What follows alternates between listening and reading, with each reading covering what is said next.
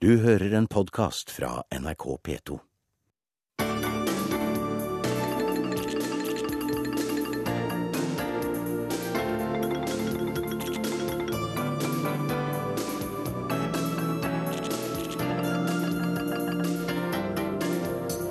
Nytt uvær over de britiske øyer i natt. Mange av flomofrene er sinte på myndighetene. Kvinnene reiser seg i Sør-Sudan for å stoppe volden. Volden kan stoppes. Vi møter en fredsbiskop med et sterkt budskap. Russerne er skuffet over dårlig OL-innsats. Putin kan bli straffet, melder Hans-Wilhelm Steinfeld. Noen mil fra Sotsji står hjemmene til abkhasiske flyktninger som aldri kan komme tilbake. Vi har møtt en familie som fortsatt har håp.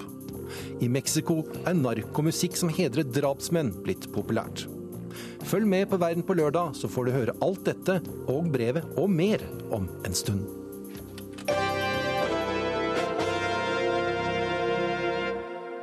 we have got what they call a Jubilee River cut to save an area up top, and I'm still convinced we're getting double the amount that we we shouldn't be.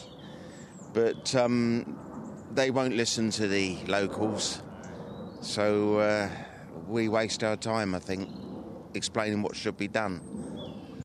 Vi hørte Jeff Staniford, et av flomofrene i Storbritannia. Han er sikker på at vannføringen i hans lokale elv har blitt gjort større med vilje. I natt fikk Stanford en ny dose regn i hodet. Et uvær har passert over Storbritannia i løpet av de siste 24 timene. Stanford ble intervjuet av vår korrespondent Espen Aas. Og Espen, ifølge Met Office så har baksiden av dette uværet i ferd, er baksiden av dette uværet i ferd med å passere over hodet ditt nå. Merker du noe til det? Det er veldig veldig kraftig vind. Her er det snakk om fortsatt kuling. Jeg har vært ute en, en time nå på, på morgenen, og det, det tar godt i, i kroppen. Og I tillegg så har også London fått en ganske god dose gjennom natten. Fra ganske tidlig i går kveld begynte vinden å ta tak, og det er ganske store trær. Jeg har vært i et av de større skogsområdene her inne i London nå på morgenen, og det er ganske store trær som har måttet takke for seg pga. vindens herjinger. Og du kan virkelig se at her har det gått hardt for seg. Og vi har jo også fått to dødsfall da, gjennom dette uværet. Ett her i London og, og en om bord i en, et passasjerskip. Du har vært i flomområdene, de som er hardest rammet der. Hvilke inntrykk satt du igjen med? Det er to inntrykk som særlig sitter igjen. Det ene er at det er helt vanvittig vannmengder. Jeg var da i Raybury, som er uh, utenfor London, i, i Thamesdalen, eller Thames Valley, som vi gjerne sier her. da, og Det er den enorme uh, elven Themsen som har gått over breddene sine så til de grader. Og oversvømmet ikke ett hus, ikke to hus, men titall på titall med hus hvor alt er ødelagt. Og hvor ødelagt det er, kommer de først til å se det elvevannet omsider trekker seg tilbake og legger igjen dette mudderlageret som kommer til å bli hardt som betong. Men jeg snakket jo med mange, bl.a. mannen som vi hørte i innledningen her.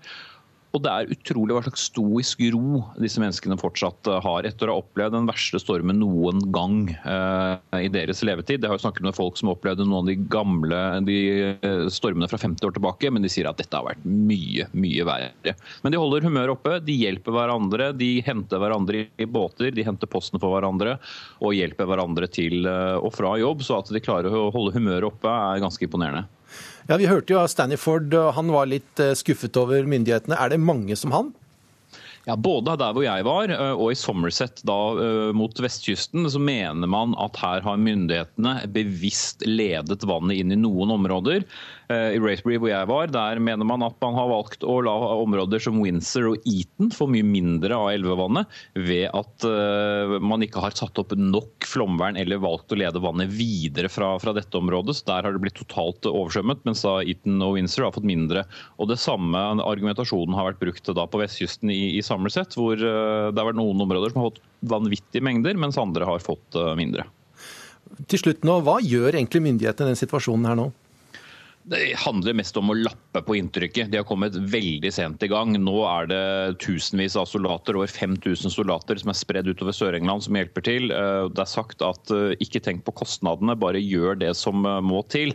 Men det er klart det må bli en ganske kraftig debatt om hvorfor dette skjedde først nå. Vi har hatt uvær og regn siden kanskje midten av desember, i hvert fall siden jul. Men først nå har de for alvor våknet idet stormen er i ferd med kanskje å avta. Tusen takk til deg, Espen Aas i London. Og vi beveger oss til noe helt annet. Frankrikes president Hollande har vært på statsbesøk i USA denne uken. De to landene har vært allierte i 236 år, og har aldri vært i krig med hverandre. Likevel er det et hat-kjærlighet-forhold mellom de to som det er all grunn til å forundre seg over, og det gjør vår reporter Joar Hoel Larsen.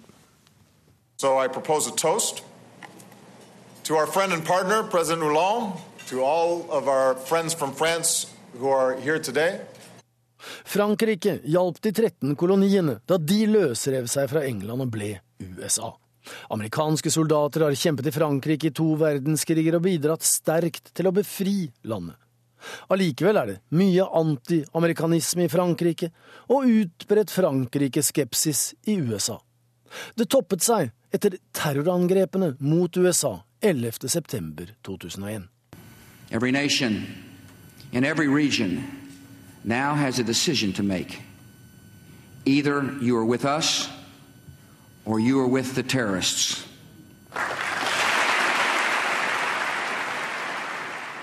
Frankrike var imot en invasjon i Irak og nektet å gå med i president Bushes Coalition of the Willing.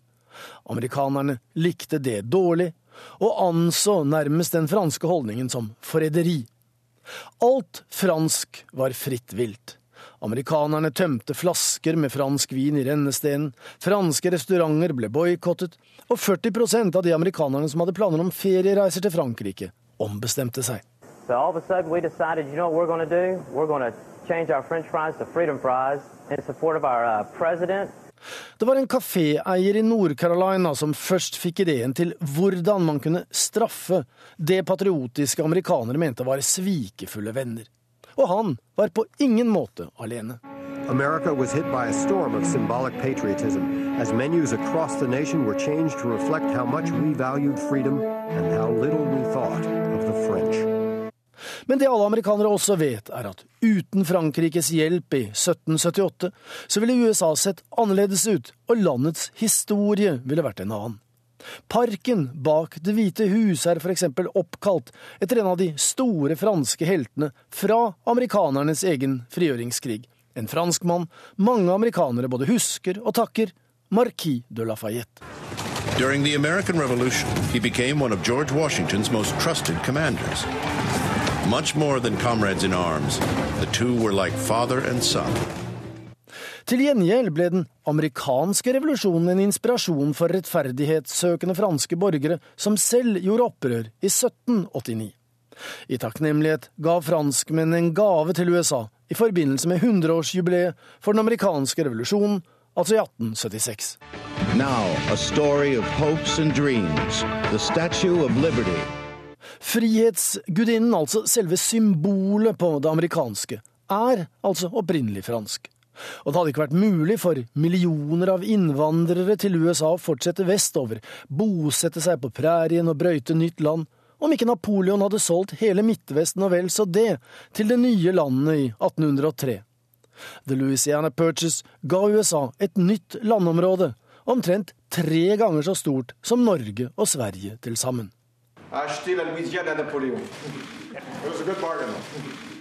I all hovedsak har forholdet mellom USA og Frankrike vært godt siden allianseavtalen i 1778. Men det har, på overflaten, ofte vært preget av både mistro og ordkrig, vrangvilje og gjensidig patriotisme. En årsak kan være at i den perioden USA vokste og ble en supermakt, så krympet det franske imperium etter hvert som koloniene i den tredje verden ble selvstendige.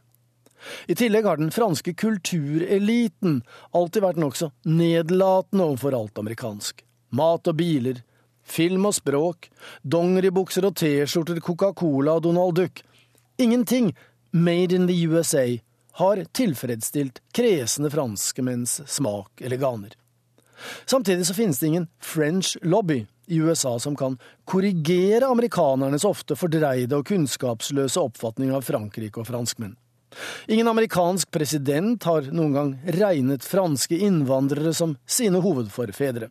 Få amerikanere snakker fransk, og de skjønner ikke helt hvorfor en falmet og fordums verdensmakt som er mindre enn Texas i flateinnhold, skal lyttes til og ha innflytelse på linje med USA f.eks. i FNs sikkerhetsråd. France is beginning to turn over Indochina to the United States. Det er særlig på det militære området det har vært knuter på tråden. Franskmennenes ydmykende nederlag i Vietnam i 1954 var den direkte foranledningen til at USA selv havnet i en politisk og militær hengemyr på de kanter som fremdeles plager og preger deler av USA. Og krisen i forholdet ble direkte alvorlig da Frankrike trakk seg fra det militære samarbeidet i Nato i 1967. Men det har også vært lyspunkt. I love Paris in the springtime. I love Paris in the fall. Som da den fransktalende førstedamen Jacqueline Kennedy, med pikenavnet Bouvier og studieopphold ved Sorbonne bak seg, tok Paris med storm i 1961, til ektemann og president Johns store glede. Kennedy Paris, and I've enjoyed it. 50 år senere var det igjen tilløp til Jackie-tilstander i Paris, da en ny førstedame med stil og fransklingende navn, Michelle, var med sin mann, president Barack Obama, til Paris. Og det kan være viktig å nyansere. Meningsmålinger viser nemlig at folk flest i de to landene de er ikke like skeptiske og kritiske til hverandre som folkevalgte og journalister eller rikssynsere og kommentatorer er. Politisk og militært står de to landene hverandre for tiden nærmere enn på lenge. Mottagelsen og behandlingen president Hollande fikk i Washington, tyder på at Det hvite hus vet å verdsette dette historiske vennskapet, og president Obama gjorde alt for å styrke de nære båndene.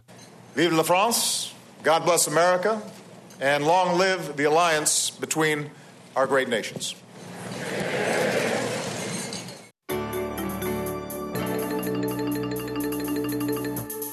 Så til Chile, for der er det stor spenning foran maktskiftet i neste måned. Da Michelle Bachelet fra sentrum venstre kommer tilbake som statsminister. Bachelet vant valget før jul på løfter om et oppgjør med arven etter Pinochet-diktaturet. Hun vil redusere de store forskjellene mellom fattig og rik. Arnt Stefansen har sendt oss denne reportasjen fra Santiago.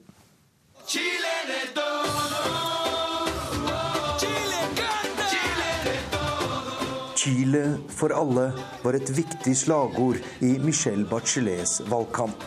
Og i desember vant hun en klar seier i det chilenske presidentvalget. Selv om parolen 'Chile for alle' kan lyde som en floskel, så innebærer den en betydelig utfordring. For her i Latin-Amerikas rikeste land er ressursene ekstremt ulikt fordelt.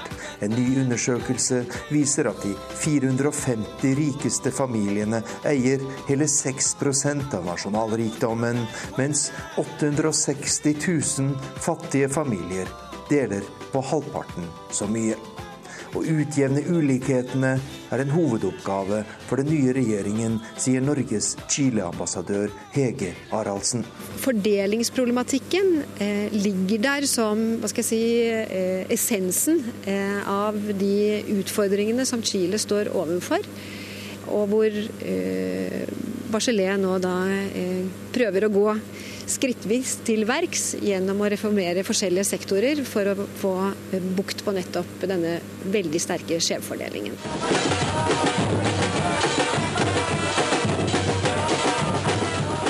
De siste par årene har den chilenske hovedstaden vært rystet av voldsomme studentdemonstrasjoner.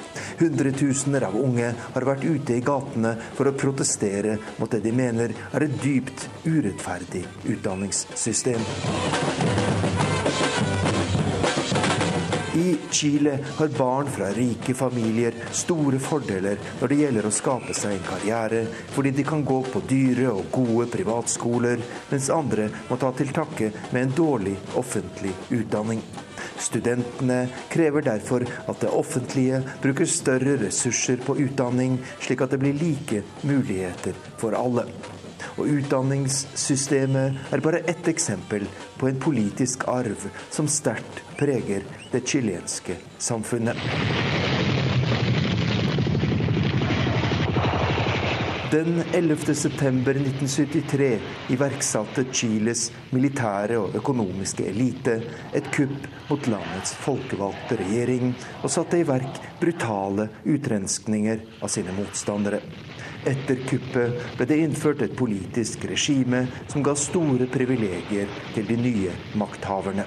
I dag, mer enn 40 år etterpå, er det fortsatt lovene fra Pinochet-regimet som gjelder i det chilenske samfunnet, og den nye statsministerens viktigste valgløfte er å endre på dette, sier ambassadør Hege Araldsen. Og det er der eh, den store eh, prøven vil stå. Eh, er i hvilken grad eh, og hvor dyptgripende eh, reformer eller endringer hun faktisk vil lykkes i å gjennomføre. For dem som opplevde redselsdagene i 1973 og den lange tiden med diktatur i dette landet, er det ingen selvfølge at Chiles rike og mektige vil godta at viktige privilegier blir tatt fra dem. Sosialistveteranen Ricardo Núñez mener likevel at Michelle Bachelets nye regjering har et så klart mandat fra det chilenske folk at det ikke er noen fare for gjentakelse av det som skjedde for 40 år siden. Las Fuerzas Armadas están en sus cuarteles. Sectores empresariales muy de derecha. De militære styrker holder seg i sine forlegninger, og selv de mest høyreorienterte deler av den økonomiske eliten har akseptert at det er nødvendig med visse endringer i dette samfunnet at de må bidra til fellesskapet med noe høyere skatter, og at skole- og helsesystemet må bli mer tilpasset til andre demokratiske samfunn her i Latin-Amerika og andre steder. De vil bruke alle knep for å holde på sine privilegier, men noe nytt militærkupp blir det ikke, sier Ricardo Núñez. På en stadion i Santiago står sangeren Victor Jara. Lillebjørn Nilsens vise om det bestialske drapet på sangeren Victor Jara er for mange nordmenn et viktig minne om militærkuppet for drøyt 40 år siden. Men selv om en gruppe chilenske offiserer nå er tiltalt for ugjerningen, så har rettsoppgjøret med regimet i stor grad uteblitt. Michelle Bachelet var selv et offer for generalenes terror, og mange håper hun vil gjøre mer for å straffe de skyldige enn forrige gang hun var statsminister. Det chilenske folket har ikke glemt. Vi husker alle at Pinochet-regimet på den mest brutale måte myrdet våre venner og meningsfeller. Ingen bør føle seg trygge fordi det har tatt lang tid å finne og straffe de skyldige. Men det er vanskelig å si hvor langt den nye regjeringen vil gå for å få fortgang i denne prosessen, sier sosialistveteranen Ricardo Núñez til NRK.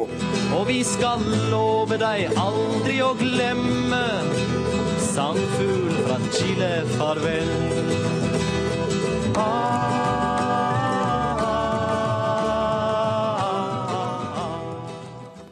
Michelle Bachelet kommer altså tilbake for sin andre presidentperiode nå i mars, og den vil bli vanskeligere enn den første, fordi folk i Chile og Latin-Amerika generelt setter stadig høyere krav til sine ledere.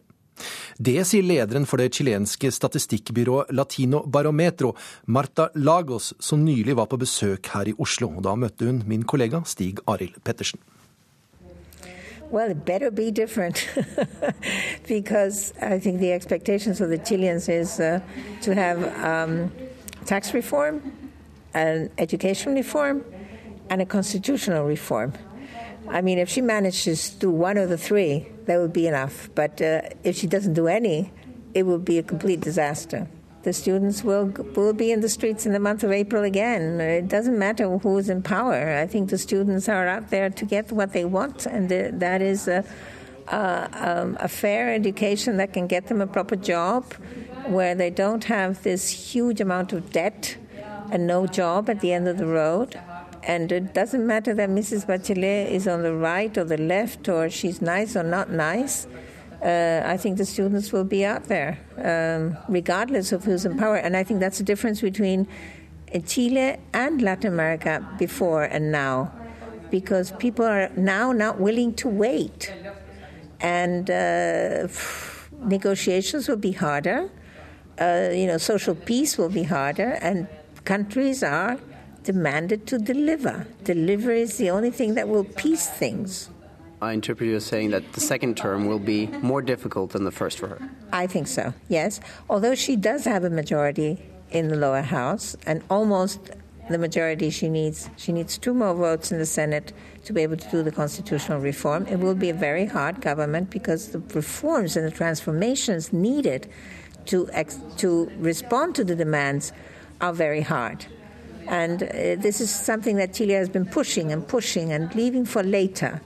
And now comes the time, and she has to deliver, and the country needs it to deliver. And let's hope that you know they can do it.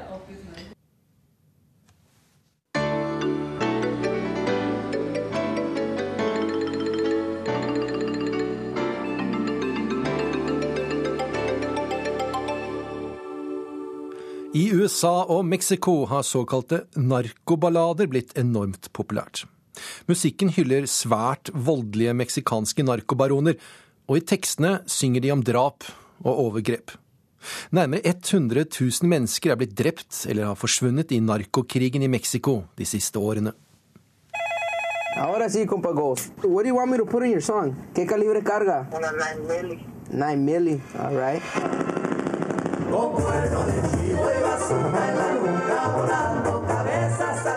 Sangeren og musikkprodusenten Edgar Quintero spør narkobossen hva han vil ha med i sangen, og hva slags våpen han har. På bestilling skriver Quintero, som bor i Los Angeles, en tekst som gjør narkobaronen til en helt. Scenen er fra dokumentaren 'Narkokultura', som viser hvordan denne musikksjangeren har blitt svært populær blant meksikanere i USA og Mexico. Det er svært problematisk at denne musikken har blitt så populær. Det sier den meksikansk-amerikanske journalisten Alfredo Corchado. Han var nylig i Oslo da dokumentaren ble vist på filmfestivalen Human Rights Human Wrongs. Corchado har selv dekket den brutale narkokrigen i Mexico, og føler bare avsky når han hører musikken.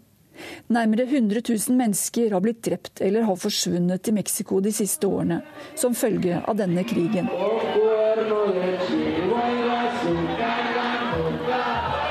På et dansegulv i El Paso i USA, helt på grensa mot Mexico, danser folk til Edgar Quinteros band mens de synger. Og dette er teksten de synger. Med et automatgevær og en rakettkaster på skulderen kutter jeg hodet av den som kommer i min vei. Vi er blodtørstige, gale, og vi liker å drepe. Bare noen hundre meter unna scenen, der musikerne også bærer tunge våpen som en del av showet, ligger den meksikanske grensebyen Ciudad Juárez.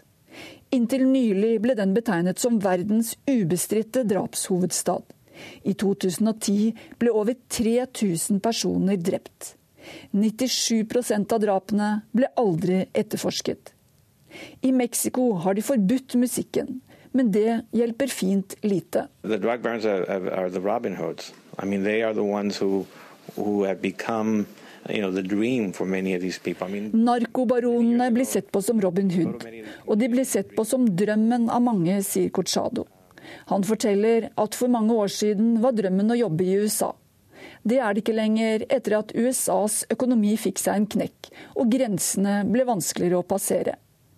Når du i dag spør folk hva som er drømmen, svarer mange at de vil bli narkobosser. if you work for someone who works at a factory and you're making 700 pesos a week, Hvis du jobber på fabrikk og tjener rundt 1000 pesos eller 500 kroner uka, og så ser du at naboen kjører rundt i store biler og har de vakreste kvinnene, da er det mange som tenker kanskje det er noe jeg burde gjøre også, forteller Cochado. Men dette er ikke en ufarlig bransje. Buenos días. ¿Cómo no? Muchas gracias. Dette skal være et av de siste intervjuene med gruppa Combo Colombia. For litt over et år siden ble 17 medlemmer av bandet funnet drept i en brønn.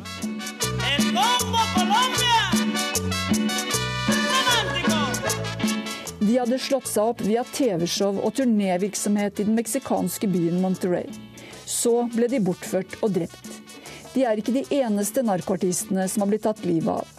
For når du lager sanger som hyller sjefen i et narkokartell, må du forvente å bli sett på som fienden av et konkurrerende kartell. For begge kjemper om penger og makt i et område. De vil ha kontroll over den svært lukrative smuglingen av narkotika til USA. Og de vil ha lokale makthavere på sin side. For i Mexico står mange politifolk og offentlig ansatte på kartellenes lønningslister. Corchado er bekymret for hvilken betydning narkomusikken har for folks holdninger. That's really the most disturbing part of, of narco. It says that uh, there is no hope, that uh, it's a hopeless society. Det er det mest bekymringsfulle, sier Corchado. For musikken forteller at det ikke er noe håp, og at den eneste måten du kan gjøre livet stort på i et land hvor rettsstaten ligger nede, er å flørte med de ekstremt voldelige narkobaronene. Og musikken spres videre til neste generasjon. Musikkprodusenten Edgar er selv småbarnspappa og synger mens han sykler rundt med treåringen i en sykkelvogn.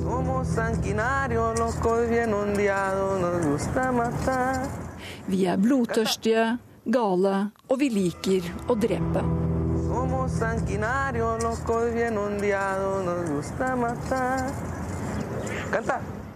Og reporter her var Inger Marit Kolstad Bråten.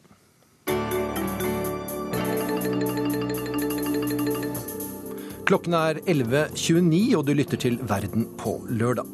Følger du med videre i sendingen, skal du få høre om skuffede russere. OL går ikke akkurat bra for dem.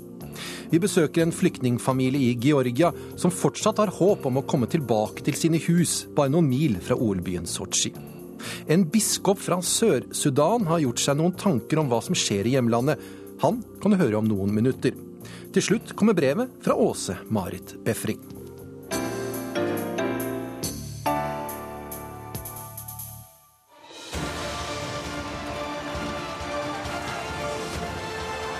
Ingen skikkelig sending på NRK radio uten noe om OL. Vi hører OL-vignetten.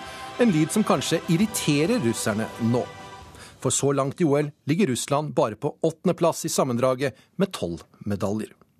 Skuffelsen er stor. Det toppet seg i går da den tidligere gullvinnende kunstløperen Jevgenij Plusjenko trakk seg fra OL pga. en skade. Det førte til at nasjonalisten Vladimir Zjirinovskij nærmest eksploderte i sinne. Og Russlands korrespondent Hans-Wilhelm Steinfeld, hva sa denne nestoren i russisk politikk? Han sa at invalider får holde seg hjemme. Dette dreier seg om et OL, ikke om en ryggskade for Plusjenka, sa Sjirinovskij selvfølgelig helt uten empati, som vanlig. Hvordan tar russerne ellers den svake OL-innsatsen? Det er mye snakk om det på internett, men i TV-sendingene er det pinlig taushet. Tar en russer en bronsemedalje, så viser de det, men sier ingenting om hvem som tar gull og sølv. Og i sendingene dreier det seg veldig mye om kunstløp og curling nå, og litt um, akebakke.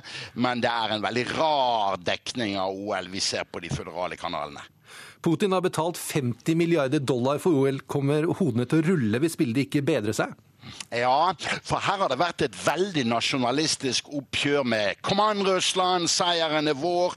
De har kjøpt inn de beste trenerne fra vest, og de har selvfølgelig de beste russiske trenerne, men det er tradisjon i russisk idrettspolitikk å kappe huene av trenerne når resultatet er dårlig. Og 50 milliarder dollar mot en åttendeplass midt i OL, det gjør nok Putin bekymret. Kommer Putins posisjon til å bli litt truet pga. OL?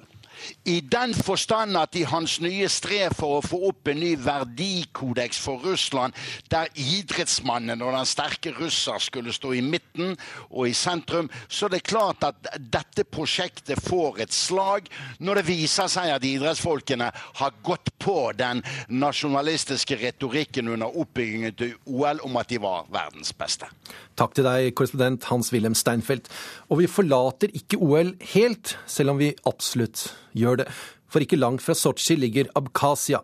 For litt over 20 år siden var det en blodig krig der, da området ville løsrive seg fra Georgia. Fortsatt lever rundt 200 000 mennesker på flukt. Kollega Guri Nordstrøm har vært i Georgia og møtt en av flyktningfamiliene. Da jeg flyktet, var håret mitt sort. Nå er det grått, sier Shaki Kviraya. Jeg møter 65-åringen i den lille byen Senaki vest i Georgia. Det ligger ikke langt fra grensa til Abkhasia, utbryterrepublikken han måtte forlate i all hast for 21 år siden. Her på to rom og kjøkken bor han sammen med kone, sønn og svigerdatter, samt barnebarnet Andro på seks måneder. Det gamle hotellet ble gjort om til flyktningeleir da 43 familier kom hit i 1993. De samme familiene bor her fortsatt. Når vi våkner hver morgen og ser Andro, glemmer vi alt. Vi glemmer til og med den lille plassen vi har. Andro er sola i våre liv, sier den stolte bestefaren. Kona Tsimali setter frem mandariner, druegelé og vodka.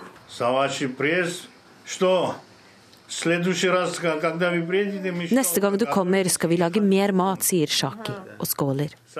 Og han beklager at russisken hans er litt rusten. Han har ikke snakket språket på over 20 år. Familien er etniske georgere som bodde i Abkhasias hovedstad Sukumi. Den gang var Abkhasia en selvstyrt republikk innenfor Georgia, som igjen tilhørte Sovjetunionen.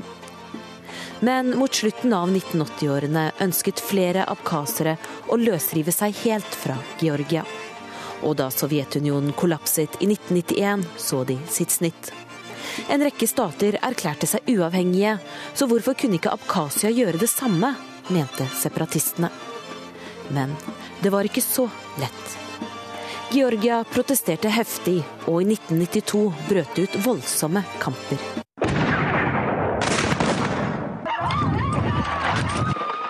«230 000 mennesker ble drevet på flukt.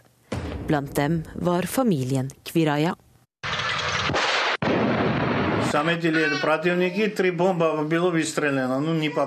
Byen vår ble bombet. Vi fikk tak i en båt som kunne ta oss vekk. Vi var rundt 60 personer på båten. Sønnen vår var fem år gammel. Alt gikk så fort at vi rakk ikke engang å hente foreldrene mine. De ble igjen, forteller Shaki. Han, som tidligere hadde jobbet som direktør på en møbelfabrikk, måtte nå selge grønnsaker på markedet for å få endene til å møtes. Jeg drømmer om Abkhasia hver eneste natt. Om strendene, om fabrikken, om det store huset vårt. Men mest av alt drømmer jeg om å få besøke graven til foreldrene mine, sier han. Men han vil ikke klage. Georgiske myndigheter kan ikke gjøre mer. De har gitt oss to rom og hjulpet til med å male veggene. Myndighetene har ikke så mye å rutte med, sier han. Etter to tiår som flyktninger trodde familien at de hadde sett sin siste bombe. Men i 2008 brøt ut krig mellom Georgia og Russland. Et av stridsspørsmålene var Abkhasias selvstendighet. Og bombene falt også i Senaki. Det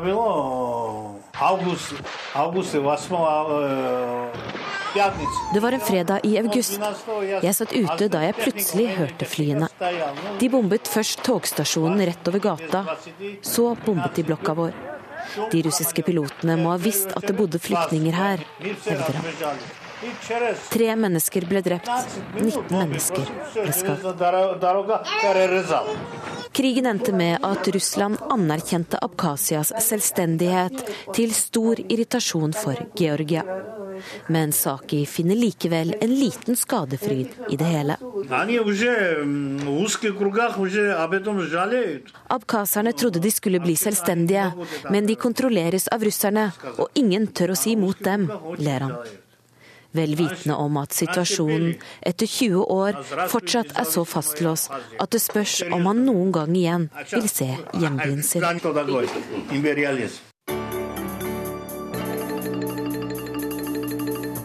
I Sør-Sudan er det våpenhvile, men alt annet enn fred. I Addis Ababa fortsetter fredsforhandlingene, men forvirringen er stor. For hvem representerer hvem, og hvem har hvilke motiver? Utenriksmedarbeider Tom Christiansen, som for seks år siden var president Salva Kirs rådgiver, har sett nærmere på hva som skjer i Sør-Sudan nå. Et stort hus i hovedstaden Juba er jevnet med jorda. Der bodde fram til 16. desember Riek Mashar. Han var den avsatte visepresidenten. Opprøret startet den natta. De som brøt ut, har siden blitt samlet under Riek Mashar, for de fleste soldater er, som Riek selv, nuerer. President Salva Kiir er dinka. Det er slett ikke sikkert at Riek Mashar begikk statskupp, slik Salva Kiir hevder. Hendelsene 16.12 er fortsatt uklare, men de fleste som befant seg i Riek Mashars hus, ble drept.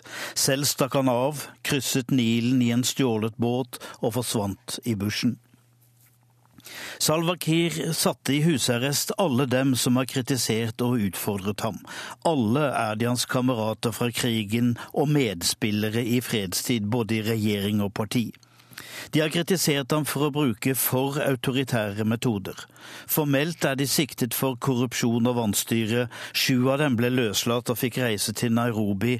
Nå har de reist videre til Addis Abeba for å delta i forhandlingene på Riek Moshars side. En mann de tidligere ikke stolte på fordi han i 1992 brøt ut og dannet sin egen geriljabevegelse for å gå til angrep på dem alle. Han massakrerte på veien 2000 sivile. Riek er som sunket i jorden. For sikkerhets skyld satte Salva Kiir soldater fyr på landsbyen Ler, hvor han kommer fra. Byen er nå jevnet med jorda. I Addis Abeba snegler forhandlingene seg videre. Blekket fra signaturen på den forrige fredsavtalen fra sist uke er knapt tørt.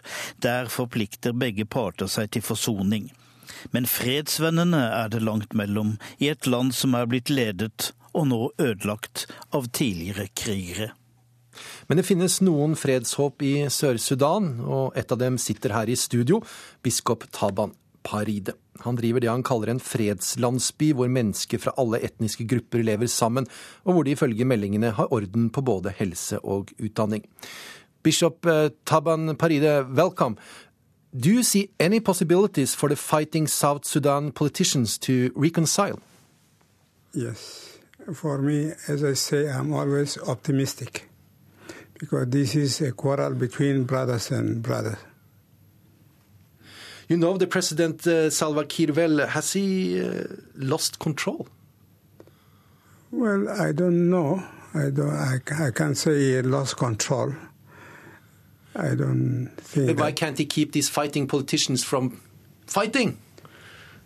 Well, when there is a quarrel, somebody must come in between to see that this even in our culture. When there are two people fighting, somebody must come in between to make them stop. And usually, the best people to stop them are the women. and are there any women stepping in to now, try to stop Now, many women have, and, and this, of course, we say the first is the church, the women, and of course, we say God. And now, many women are flocking to Addis to intervene because they are the one who suffer from giving birth. How do they intervene? How do the women intervene? Like, uh, do they go in between? Do they say send petitions, or do they? Uh, some in some countries they've been refusing sex until people are uh, yeah. Once, talking peacefully. once in 1992, when Riak went in conflict with the Dr. John Garang, the women and the church say we are going to fast, and women also say not only the fasting from food but also from sex and from kitchen. And there was a time when the SPLA took children for soldiers. The women brought babies and threw in the military camp, say you suckle them, let them become big, so that you also send them. So they, they have to send the, the women to collect the babies and release the young boys to go back home. So the women are more powerful and sometimes they show their breasts. This is the breast you have suckle. We are showing when women show breast to men, it is like a curse. They really begin to stop. I understand. Uh, back to President Salva Kiir. Uh, is he well? There are rumors that he's ill now. I've been with him two weeks ago. He was not sick. Unless he got sick just two days after I came. I came from there last Sunday. He was not sick. Maybe he got sick now. Okay, sir. A new democracy needs institutions and infrastructure, but it also needs Democrats. Do you see any Democrats in Cuba? That's very difficult to say. We need to, to see that uh, to have a multicultural people of our 60 tribes, you need leaders of dialogue, leader of mutual respect, leader and justice and equality. And if that is not, it's very difficult to satisfy 60 tribes and treat them equally unless somebody treat the method of dialogue and mutual respect. This conflict, is it an ethnic conflict or is it just big boys fighting? I don't think that is ethnic because as we, now they say it is Dinka and Nuer, it is not Dinka and Nuer who are dying. It is actually something which exploited. We in the church don't know because we are not politicians how it is exploited, but it is taking life, many life of innocent people. And for me, I say now the South Sudan is a place. I say a, a place before it is a place. It was a place where God loved, God was happy, joyful. Now it is a place where God weeps for and where the church also weeps for innocent lives being lost senselessly. It is a senseless war. What are you doing, sir, to stop the fighting? We have done a lot. I brought now. We I am one of those mediating with the uh, General Yao Yao. We have signed already peace, and this area has become a model of peace now. We are monitoring it, and he has taken part neither to support Dr. Riak nor the government. So that is one of the model. We want this to be a model for the people of South Sudan, and especially for the new conflict that is taking place. Thank you very much, Bishop Taban Paride, for coming here today. You're welcome.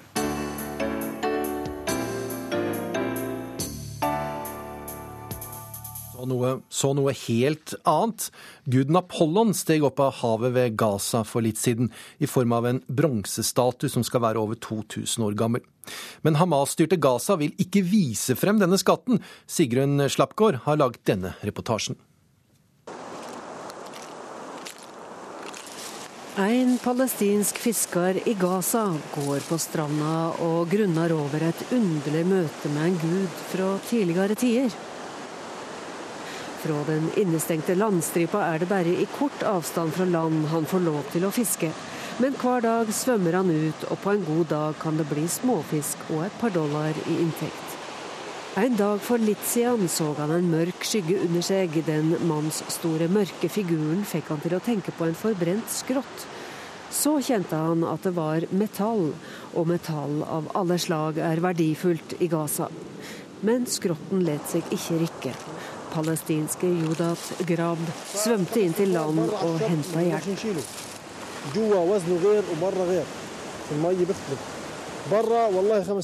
Sjøl ikke fem menn klarte å løfte statuen da han kom opp av sjøen, forteller fiskeren. De blei alle oppklødde etter et skimt som var gult på en finger.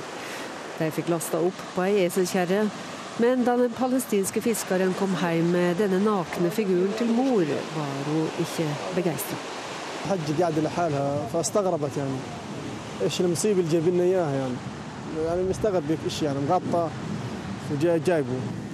Hva slags elendighet er det du kommer med, sa mora, og ba han dekke til statuens edle deler.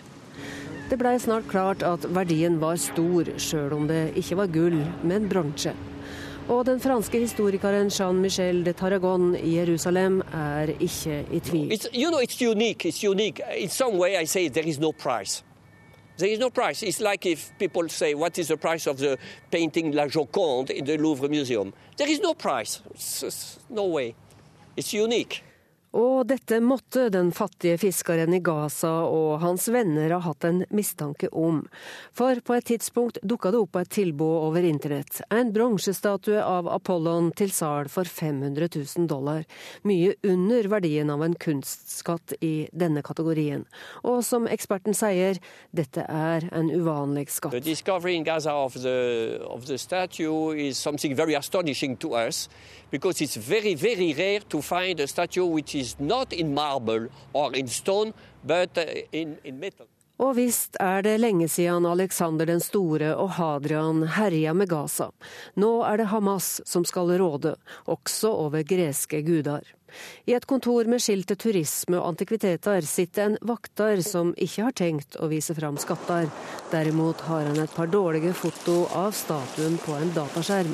Der ligger Apollon på et teppe med lyseblå smurfar og meldinga fra sjefen kan tyde på at statuen nå trengs som bevis på nåværende storhetstid for Hamas. شيء مميز وكبير للحضارة الفلسطينية ويؤرخ إلى وجود حضارات مختلفة في أرض فلسطين denne unike og storslagne statuen fra palestinsk kultur viser at vi har hatt ulike store kulturer før oss her, og det er en stor skatt, sier Ahmed al-Bursh høytidelig. Dette er holdninger som har skapt visse mistanker i fagmiljøet, og den franske historikeren tror ikke i det hele tatt på at skulpturen først dukka opp i sjøen. Uh, on the seashore and in the sea. It has been found. We don't know exactly the place. We have a guess, you know, in the north of Historiker Tarragona og andre i fagmiljøet mener det er mye mer sannsynlig at statuen kan komme fra ei hemmelig utgraving en eller annen sted. Eller kanskje komme fram under den omfattende eroderinga som skjer i strandsona. Teoriene rundt statuen er mange, og trolig blir det et mysterium så lenge Hamas vil. Og i mellomtida går det en håpefull fisker på stranda i Gaza. Jodat Grab må nok fange fisk og glemme gamle guder i bronse.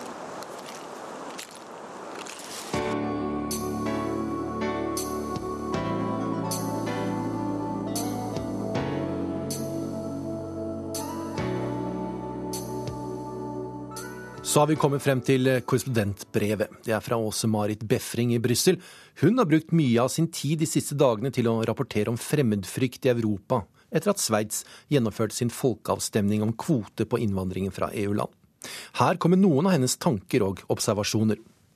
Vi er vinnere, sier han til meg uten tvil i stemmen. Jeg tror ikke vi kan endre alt over natten, men det blir et sjokk for Brussel, nærmest lover han. Den høyreiste mannen har strøket det gråblonde håret bakover. Han er velkledd i mørk dress. Den ene hånden er stukket avslappet inn i bukselommen, med den andre gestikulerer han mens han snakker. Det vil bli et jordskjelv i Brussel, sier han for virkelig å understreke alvoret. De som skal utløse rystelsene, er nasjonalistiske partier som hans. Gert Wilters sparer ikke på kruttet. Han ser for seg at partier på ytterste høyre fløy skal bli en slags troikaens hest, som kjemper seg inn i EU-parlamentet for å beseire monstre, som han kaller det, fra innsiden. Men det fordrer at de klarer å samarbeide, og det er også hans plan. Tre timer tidligere har jeg ankommet Haag. Der venter et sikkerhetsoppbud uten sidestykke før pressekonferansen med den kontroversielle politikeren. Politi med bombehunder er godt i gang med å sjekke at bygget er trygt, mens andre setter opp en provisorisk sikkerhetskontroll. Når jeg endelig er innenfor sperringene, kommer Gert Wilters omringet av fire livvakter. Sikkerheten rundt ham har sine grunner. I år er det ti år siden landsmannen og filmskaperen Theo van Gogh ble drept på åpen gate i Amsterdam. Han ble skutt åtte ganger før drapsmannen skar strupen over på ham og satt to kniver i brystkassa hans. Det makabre drapet ble av domstolen karakterisert som en terrorhandling, og gjerningsmannen ble dømt til livsvarig fengsel. Theo van Gogh var kjent for å ha kritisert deler av det muslimske miljøet som han mente rettferdiggjør overgrep mot kvinner. Wilters måtte også gå i dekning like etter drapet, grunnet trusler etter nedsettende ytringer mot islam. Siden har han levd med livvakter ved sin side. Gert Wilters har ikke vært nådig i sin kritikk av islam, som han kaller fascistisk. Han har også sammenlignet Koranen med Adolf Hitlers Mein Kampf. 30 ganger er han sitert i Anders Behring Breiviks såkalte manifest, en massedrapsmann han for øvrig har tatt avstand fra. Men når Gert Wilters nå kaster seg inn i valgkampen, er det EU som er fienden, og han vil beseire den på dens egen banehalvdel. Det lønner seg å gå ut av EU, sier Gert Wilters overbevist på pressekonferansen. Hans Frihetsparti har fått et analysebyrå til å regne ut at ved å tre ut av unionen vil den hollandske økonomien øke med 10% på ti år. Vi vil ikke bare gjenoppstå som en suveren stat, men nederlendere vil også tjene på det, mener Wilters. Høyrepopulistiske og EU-skeptiske partier er på fremmarsj i hele Europa, fra Sverigedemokraterna i nord, ungarske Jobbik i øst, til det britiske uavhengighetspartiet i vest.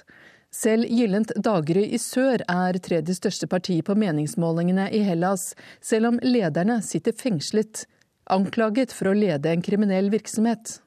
Og partiet risikerer å bli bannlyst for å være en kriminell organisasjon. For to uker siden registrerte de partiet under nytt navn, Nasjonalt Daggry, for å forsøke å omgå et lovforbud. Også i Østerrike har det innvandrerfiendtlige partiet etter avdøde Jørg Haider våknet til live, etter et solid comeback i fjor, da det fikk 20% av stemmene i parlamentsvalget. Det er disse og flere til Gert Wilters frir til når han forsøker å bli en kraftfull allianse som skal få EU-murer til å sprekke. Hans Frihetsparti leder på meningsmålingene i Nederland, slik også Marine Le Pens nasjonale front gjør det i Frankrike. De to har allerede sagt at de vil forene krefter, bare dersom de klarer å få minst 25 parlamentarikere i ryggen fra minst sju av medlemslandene i EU, blir de godkjent som en allianse i EU-parlamentet. Det vil i så fall bety mer penger, flere seter i komiteene og økt taletid. Den tradisjonelle politiske eliten i Brussel og Strasbourg frykter at de dermed vil kunne blokkere politiske prosesser. Og det er jo nettopp det de ønsker. Partiene på ytterste høyre fløy rir på en bølge av misnøye som ikke har avtatt, selv om EU-politikerne forsøker å overbevise borgerne om at nå går alt så meget bedre. Tilliten til Brussel har falt fra litt over 50 til 30% under den økonomiske krisen, ifølge Eurobarometeret. Folk tror ikke at EU kan redde dem ut av krisen, men mener heller at unionen er en del av problemet. De er lei av sparekutt, høy arbeidsledighet og innvandring. I dette landskapet har nasjonalistiske partier tilpasset retorikken for å bli partiet for folk flest. Vi vil bestemme hvordan vi skal passe på grensene våre, bestemme over egne penger og budsjetter og ha egen valuta, er gjenklangen. For en nordmann er det lett å nikke gjenkjennende til dette budskapet. Å gjøre partipolitikken stueren har ikke minst Marine Le Pen mestret. For tre år siden overtok hun et parti fra faren Jean-Marie Le Pen, som var en uttalt rasist og antisemitt. Marine Le Pen er langt mer polert. Hun har truet med å trekke enhver som omtaler partiet som høyreekstremt, for retten. Samtidig har hun uttalt seg kritisk om muslimer, og er imot masseinnvandring. Da Sveits overraskende sa nei i folkeavstemningen mot masseinnvandring forrige helg, var Marine Le Pen rask med å trykke avgjørelsen til sitt bryst. I en pressemelding hyllet hun det sveitsiske folks tydelighet, og oppfordret Frankrike til å gjøre det samme. Ikke bare det, Nasjonal Front mener dette vil gi dem en opptur i valget. Partiet tror rett og slett at resultatet vil forsterke franskmennenes ønske om å ta tilbake kontrollen over de nasjonale grensene.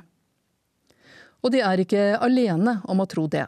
Flere mener at Sveits med dette resultatet har vist at det er mulig å stå opp mot EU. Populistiske partier innenfor EU vil bruke Sveits som et bevis på at et land ikke kollapser om det sier nei til Brussel. Nå er jo ikke Sveits EU-medlem, men de er bundet av de samme avtalene om fri bevegelse over grensene som ethvert annet EU-land. Det er de gjennom ulike avtaler, og ved å si nei til én avtale, har de satt alle i spill. Det var det innvandringskritiske sveitsiske folkeparti som krevde en folkeavstemning, og siden kom seirende ut med knapt flertall. De mener at én million EU-borgere i Sveits er et bevis på at åpne grenser ikke fungerer. Størst oppslutning fikk Stopp masseinnvandringsinitiativet i de italienske og tyske kantonene. I regionen Ticino ved den italienske grensen stemte 70% av innbyggerne for å stramme inn innvandringsloven. Hver dag er det lange køer ved grensen her, av italienere som skal på jobb i Sveits. Hva som skjer når den nye loven trer i kraft, er ennå usikkert. Det som fremstår som litt underlig, er at dem sveitserne ønsker å stenge ute, er folk som snakker samme språk som dem. Gert Wilters vil nok også bruke Sveits som et eksempel til etterfølgelse i valgkampen. Det er gått en knapp uke siden jeg var i Nederland og hørte på ham. Gapet mellom folkemeningen og den politiske eliten i Brussel er for stor, mente han, med glimt i øyet og en stor porsjon selvtillit, klar til å gyve løs på EU. Det er langt fra paddeflatte Nederland til fjelltindene i Sveits. Når du hører dette, så er det der jeg er for å prøve å forstå hva som fikk dem til å ta sitt eh, proteksjonistiske valg. Er det ren patriotisme og frykt fra trusselen utenfra, eller er det andre vinder som feier over landet, og som blåser like inn i EU-parlamentet? Snart kan 380 millioner innbyggere i EU gå til valgurnene for å si hvem de mener skal representere dem der. Det er vanlig at ytre venstre og høyre gjør det godt i valget, som skjer hvert femte år. Men etter dette valget kan de bli en virkelig maktfaktor hvis de spiller kortene sine riktig. Ut fra meningsmålingene vil mellom 20 og 30% av dem som velges inn i EU-parlamentet, komme fra partier på ytterste høyre eller venstre fløy. Det skal bli mye tautrekking i Brussel og Strasbourg fremover. Det var denne utgaven av Verden på lørdag takk for følget. Teknisk ansvarlig var Beate Haugtrø. Skript var Lars Christian Rød. Og i studio satt jeg, Halvard Sandberg.